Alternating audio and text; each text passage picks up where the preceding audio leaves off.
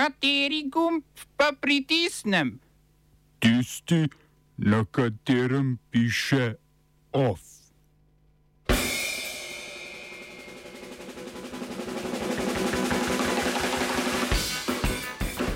Ruski predsednik Vladimir Putin ukazal prenos lastništva ukrajinske nuklearke za porožje na Rusijo.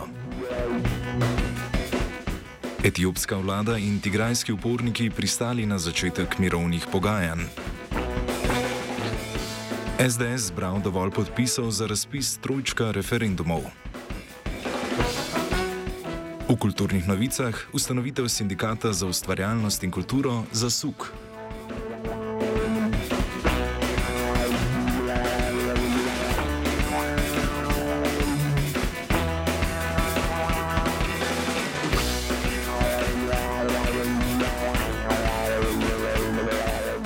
Pozdravljeni. Ruski predsednik Vladimir Putin je po podpisu zakonov o priključitvi ukrajinskih regij Herson, Zaporožje, Donetsk in Lugansk k Ruski federaciji, s čimer je postopek mednarodno nepriznane priključitve formalno zaključen, izdal odlok o prevzemu lastništva jedrske elektrarne Zaporožje. Putin je ruski vladi s tem naložil naj sprejme ukrepe za vzpostavitev zvezdnega lastništva največje ukrajinske in evropske nuklearke ter objektov potrebnih za njeno delovanje delovanje. Vsa dovoljenja za obratovanje jedrske elektrarne in trenutno zaposlene, izdana pred 30. septembrom, ko je Rusija priključila Zaporožje, bodo ostala veljavna, dokler ne bodo izdana nova v skladu z ruskimi zakoni. Odlok je Putin podpisal, medtem ko je generalni direktor Mednarodne agencije za jedrsko energijo, poznane pod kratico IAEA, e Rafael Grossi, potoval v Kijev, kjer bo sestankoval o vzpostavitvi varnostnega območja okoli jedrske elektrarne Zaporožje. Ta je pod ruskim nadzorom od marca. Osebje IAEA e je območje in nuklearko obiskalo v začetku prejšnjega meseca. Šest reaktorjev so zaradi spopadov v bližini objekta izklopili 11. septembra. Predsednik podjetja Energoatom, ki upravlja ukrajinske jedrske elektrarne, Petro Kotin, pa je dejal, da bi lahko v kratkem spet zagnali dva izmed njih.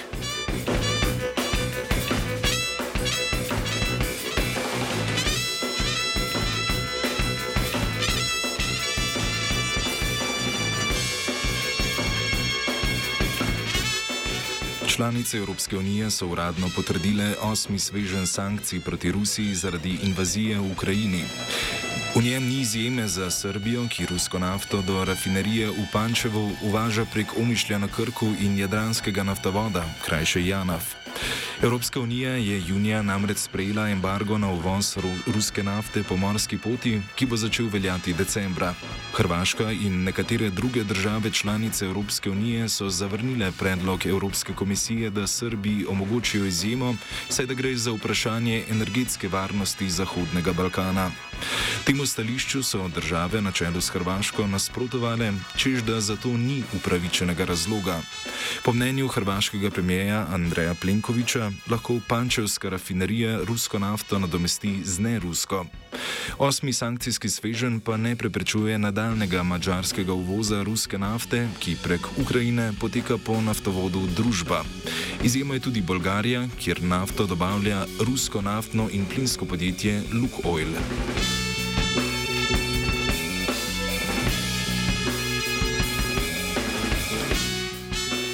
O energetski oskrbi sta v La Coruni govorila španski premijer Pedro Sánchez in nemški kancler Olaf Scholz. Znova sta izrazila podporo dokončanju plinovoda Midcat, ki bi ga po načrtih španske vlade lahko končali do leta 2025. Midcat bi Španiji omogočil, da do Barcelone čez Pireneje in Južno Francijo dobavlja zlasti plin iz Alžirije. Projekt je bil na mizi sicer že leta 2003, 14 let kasneje pa so ga zaradi pomislekov tako španskih kot francoskih regulatorjev glede vprašljive dobičkonosnosti in škodljivih okoljskih vplivov opustili. Po vojni v Ukrajini je uradni Madrid ponovno začel razmišljati o obuditvi Midkata, ki pa mu v Parizu še vedno nasprotujejo.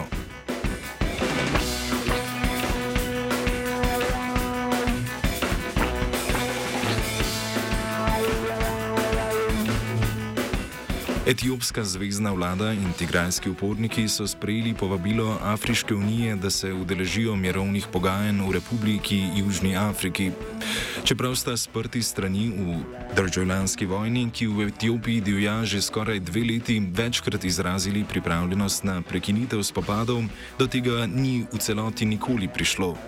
Srečanje bo predvidoma ta konec tedna vodil predsednik Afriške unije Musa Faki Mahmad. Po neuradnih informacijah francoske tiskovne agencije mu bosta prisostvovala tudi visoki predstavnik Afriške unije za področje Afriškega roga Olšegun Obasanjo in nekdani kenijski predsednik Uhuru Kenjata. To bo sploh prvi formalni poskus mirovnih pogajanj do zdaj. Zmezdna vlada Abija Ahmeda in Tigrajska ljudska osvobodilna fronta, poznana pod kratico TPLF, ki je na oblasti v regiji na skrajnem severu države, sta sicer večkrat dosegli dogovore o humanitarnem premirju, vendar se je zadnji v vrsti, ki je trajal pet mesecev, avgusta letos prevrgel v ponovno obsežnejše vojskovanje.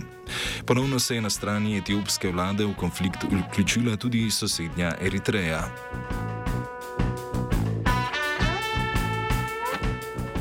V šestmilijonskem Tigraju, ki meji na Eritrejo in Sudan, ter odkudar se je zaradi vojne izselilo nekaj več kot dva milijona ljudi, vlada pomankanje hrane, goriva in zdravil.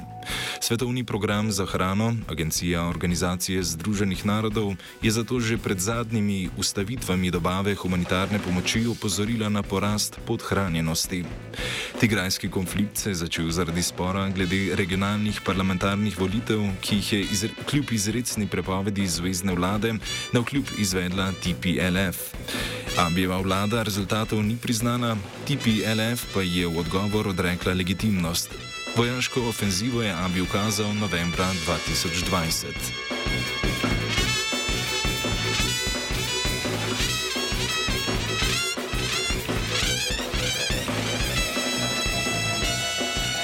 Potem, ko je minuli petek odstopil začasni predsednik Burkina Fasa, generalporočnik Paul Henri Damiba, je to funkcijo prevzel stopnik Ibrahim Traore, dosedani poveljnik topniškega regimenta v severni regiji Kaja. Odstop Damibe, ki ga je Traore izsilil z državnim udarom, je že drugi v tej državi v manj kot devetih mesecih, ko je prav Damiba, ki se je sedaj zatekel v sosednji Togo, z vojsko januarja odstavil izvoljenega predsednika Ruka Kaboreja. Razlog za odstavitev Damibe je bila po Traorejevih besedah njegova nezmožnost obvladati varnostno situacijo, ki jo slabšajo predvsem uporniške milice povezane s teroristično skupino Al-Kaida in samooklicano islamsko državo. Traore je sicer obljubil, da bo sledil zavezi, ki jo je Damiba dal gospodarski skupnosti zahodnoafriških držav, predstavniki katere so se ta teden mudili v Burkina Faso. Civilna oblast bo ponovno vzpostavljena do julija 2024. Smo se osamosvojili, nismo se pa osvobodili. Naslednje število je še 500 projektov. Izpiljene modele, kako so se strani nekdanje LDS rotirali. Ko to dvoje zmešamo v pravilno zmes, dobimo zgodbo o uspehu. Takemu političnemu razvoju se reče udar. Jaz to vem, da je nezakonito, ampak kaj nam pa ostane? Brutalni obračun s politično korupcijo. To je Slovenija, tukaj je naša zemlja, to je Slovenija, Slovenija, Slovenija.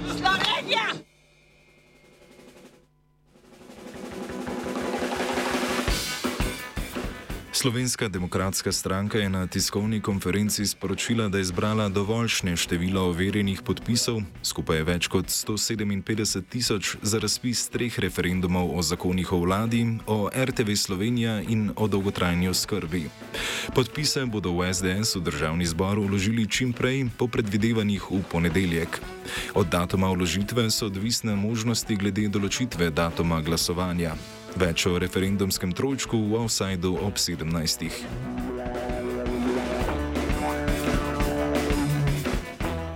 Svoj lonček k referendumom je pristavila tudi Nova Slovenija. Poslanci njene poslanske skupine so v državni zbor uložili predlog za razpis posvetovalnega referenduma o sprejemu svojega predloga novele zakona o dohodnini. Predlog novele zakona je prav danes na dnevnem redu 19. izredne seje državnega zbora. Po predlogu bi zvišali olešave za vzdrževane družinske člane za skoraj 15 odstotkov, kolikor znaša skupna inflacija za leti 2022 in 2023. Ker je NSI svoj predlog v zakonodajni postopek uložila štiri dni pred vlado, se obravnava vladnega zakona ne more začeti, dokler je v postopku predlog NSI.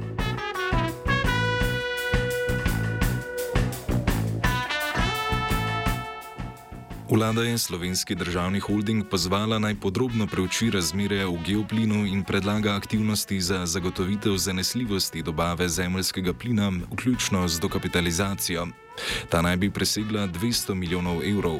Z likvidnostmi in poslovnimi tveganji v družbi je vlado seznanil Petrol, nekaj več kot 74-odstotni lastnik geoplina.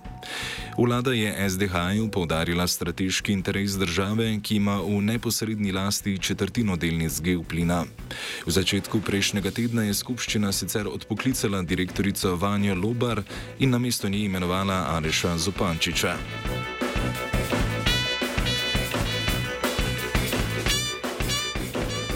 OF je pripravil Fabian.